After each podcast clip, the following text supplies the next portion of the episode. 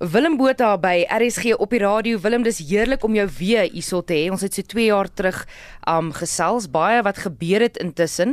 Uh vertel vir ons eers, waarmee is jy op die oomblik besig? Ek weet jou skedule is propvol.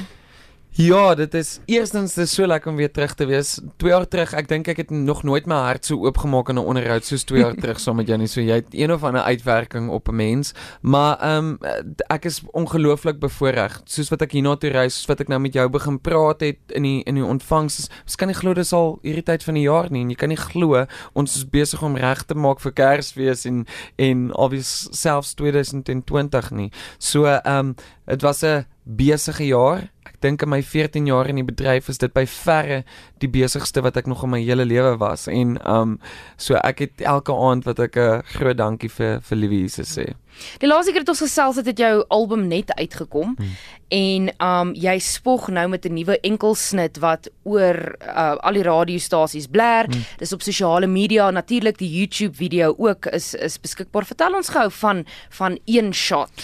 So ek het baie lank met hierdie konsep in my in my rondgeloop dat ek wil vir mense sê dat jy kry daai een kans, een shot om om 'n geleentheid aan te gryp en dit gaan absoluut van jou afhang wat jy daarvan maak. Uh baie mense sal baie keer na my toe kom en vir my vra uh, hulle kind sing ook of hulle sing ook en wat kan hulle doen en dan sê ek vir hulle gryp elke geleentheid aan wat jy kan. Um ons sien dit nie altyd raak nie, maar daar's so baie klein dingetjies wat na jou kant toe gegooi word en dan sien ons dit oor want ons wag vir die groot geleentheid en dis nie hoe dit werk nie. Elke liewe klein dingetjie maak later 'n te groot gebeurtenis. Um so ek het met hierdie konsep rondgeloop en toe het ons um ek in die span by Universal Music, my platemaatskappy, het toe weggegaan vir 'n naweek en um, om te skryf aan die 5de album en ons het om 'n kampvuur gesit en ons het gesê kom ons vat gou een shot en dan begin ons die ding en ek het gesê wow wow wow. Okay wag wag wag. Kom ons kry dadelik 'n uh, die gitare pen en papier en ons begin toe te skryf en ons het ag dis net 'n lekker saam sing kuier liedjie wat 'n uh, wat 'n dans um kan afskop of 'n uh, of 'n lekker naweek. Die een shot uh, hy gee ook die gevoel dat jy eintlik praat van 'n drankie soos wat jy 'n ja. shooter sal drink. Ja. Ja dit was definitief uh, dit was definitief die aanspoor van die oomblik gewees is dat dit een shot is om ek het al by so baie kuiers gestaan en sê dan sê ons klomp hulle okay kom ons vat gou een shot en dan begin ons die ding. En hulle sê ons geen naweek het ooit begin met 'n lekker slaai nie. So ehm um, rede. Geen so, lekker storie het begin met 'n slaai nie. met 'n slaai nie ja. So ehm um, dis absoluut 'n uh, onskuldige fun song. Ehm um, ek het nou 'n nuwe fase ek sal 32 so ek bedoel dis nie asof ek nog nooit 'n shooter gedrink het in my lewe nie. Ehm um, so dis net 'n lekker fase in my lewe waar ek veral dansmusiek wil begin vier en en geniet by my vertonings. As jy kyk na een shot in die nuwe album vergelyking met die hmm. vorige eer as jy kyk na Swart Skaap waar ons hmm. ook gesels het die vorige keer die tipe liedjies wat jy nou skryf die fase waarin jy is in jou lewe hoe vergelyk jy die twee Ek begin definitief meer skryf sonder om jammer te sê. Jammer dat ek 32 is, jammer dat ek skryf oor 'n shooter, jammer dat ek swart skaap geskryf het wat sê dat ek geen nie om hoe jy lyk like nie. Ek wil eerder gaan ek hou eerder van jou persoonlikheid. Um ek begin in daai fase van my lewe en ek dink Kwela het 'n baie groot um het 'n baie groot invloed daarop gespeel. Ek sien te veel goed deesdae om my gebeur um waar mense net stil bly en dan so seer kry. So ek het begin raak dat die boodskap wat ek wil uitbring, die boodskap wat ek wil sê, die opinies wat ek wil hê, gaan ek eerder sê as om net stil te bly en te sien dat mense my byvoorbeeld sal stenig oor iets. Ek en um ek het hierdie jaar 'n bietjie seer gekry met die met die Gumas. Um met alles wat gepaard gegaan het daaroor. Ek was in die middel van dit als ingegooi omdat ek die aanbieder was. Um en ek was absoluut gestenig daaroor. Ek was onder kontrak verbind gewees en um ek ek sal nooit vergeet nie dit was nog die dag my verjaarsdag ook gewees en op 'n stadium het hulle vir my gesê luister jy nie net gou jou foon gaan haal nie um want die mense is besig om jou so sleg te sê.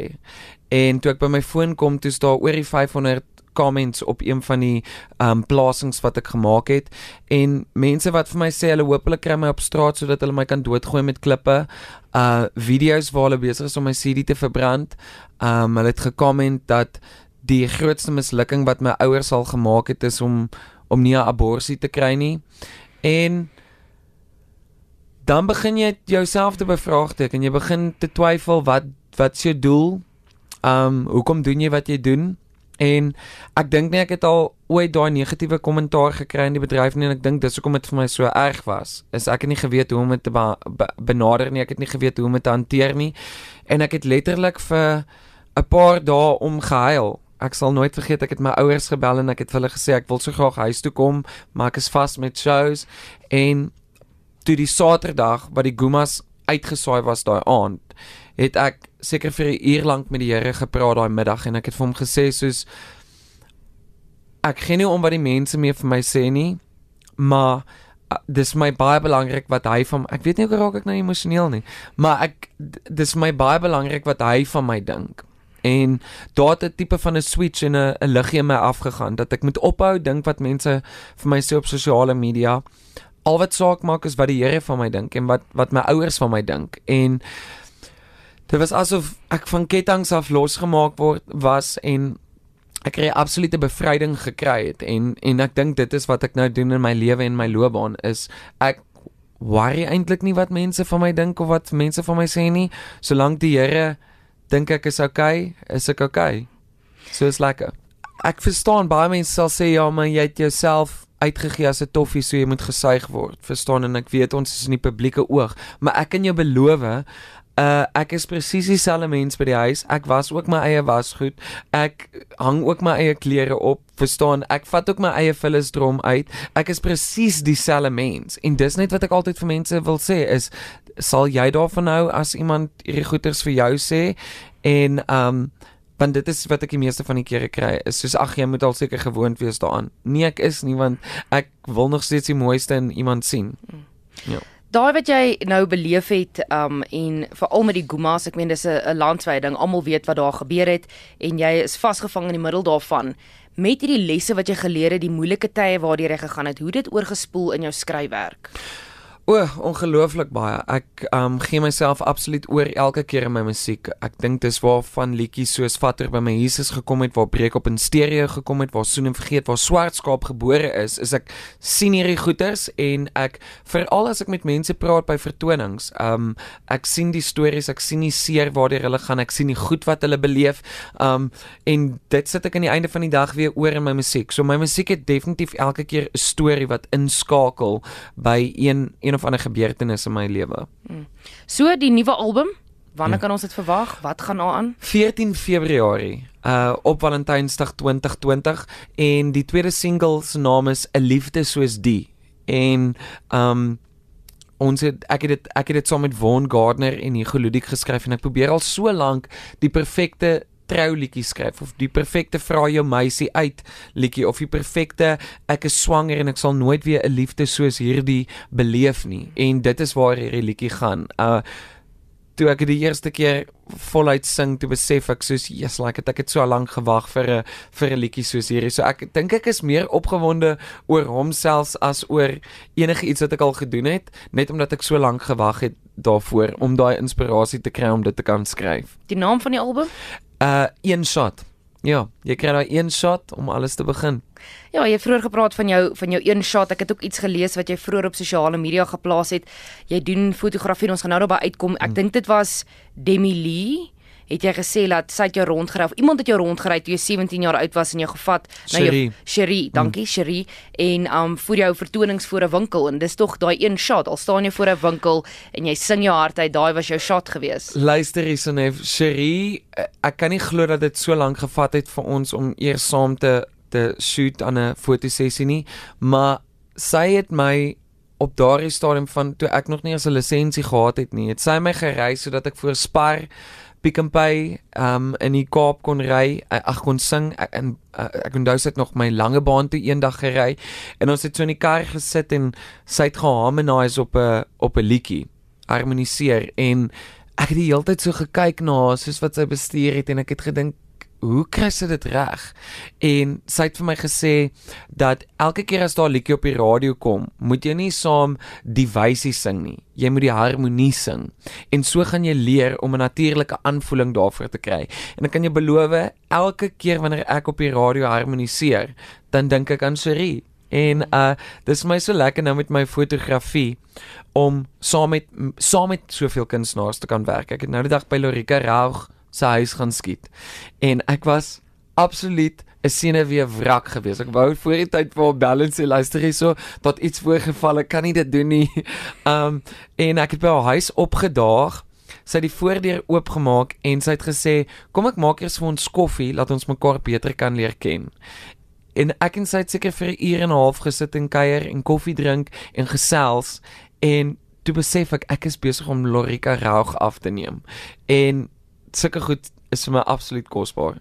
Nou, die vorige keer het ons gepraat het, jy het fotografie gedoen. Jy was besig om um jou voet in die deur te kry, maar dit het gedoen omdat jy daarvan hou, maar nou, ja. dit is dis 'n groot deel van jou bestaan. 2 jaar terug as jy vir my gesê het ek sou oor 2 jaar van nou af wanneer ons gaan praat, gaan ons praat oor jou fotografie besigheid, sou ek vir jou gelag het. Um dit het absoluut my wildste verwagtinge oortref. Ek het nooit gedink eers ek gaan 'n beroep hier uit kan maak nie, want dit was net 'n stokperdjie gewees en ek het nou verlede week het ek vir Demi Lee Nell Peters uh, Miss Universe het ek afgeneem en op 'n stadium toe want ek doen die hare en gemering baie keer van die um keer self. Soos wat ek aan haar hare vat en sy vir my sê soos jy's like 'n fotograaf het dit nog nooit gedoen nie. Het ek vir haar gelag en toe ek weer agter die lens staan Toe sê ek vir myself, Willem, besef net gou-gou jy's besig om Miss Universe af te neem.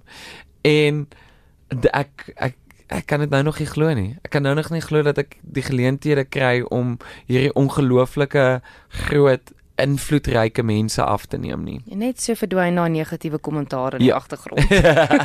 ek love it. Ja, ek moet dalk daai op daai stadium dit dink. Net so hoe die ja, hoe soos met die sleg kom jy kom jy goed ook en ek dink die goed oorheers altyd die sleg. Dit is net moeiliker om dit om dit soms soms raak te sien. Willem met die met die werk aan die nuwe album, die um enkelsnitte wat nou um uitstroom Waar gaan jy optree? Tussen deur Kwela, tussen deur jou fotografie, waar kan ons luisteraars jou jou vertonings gaan kyk?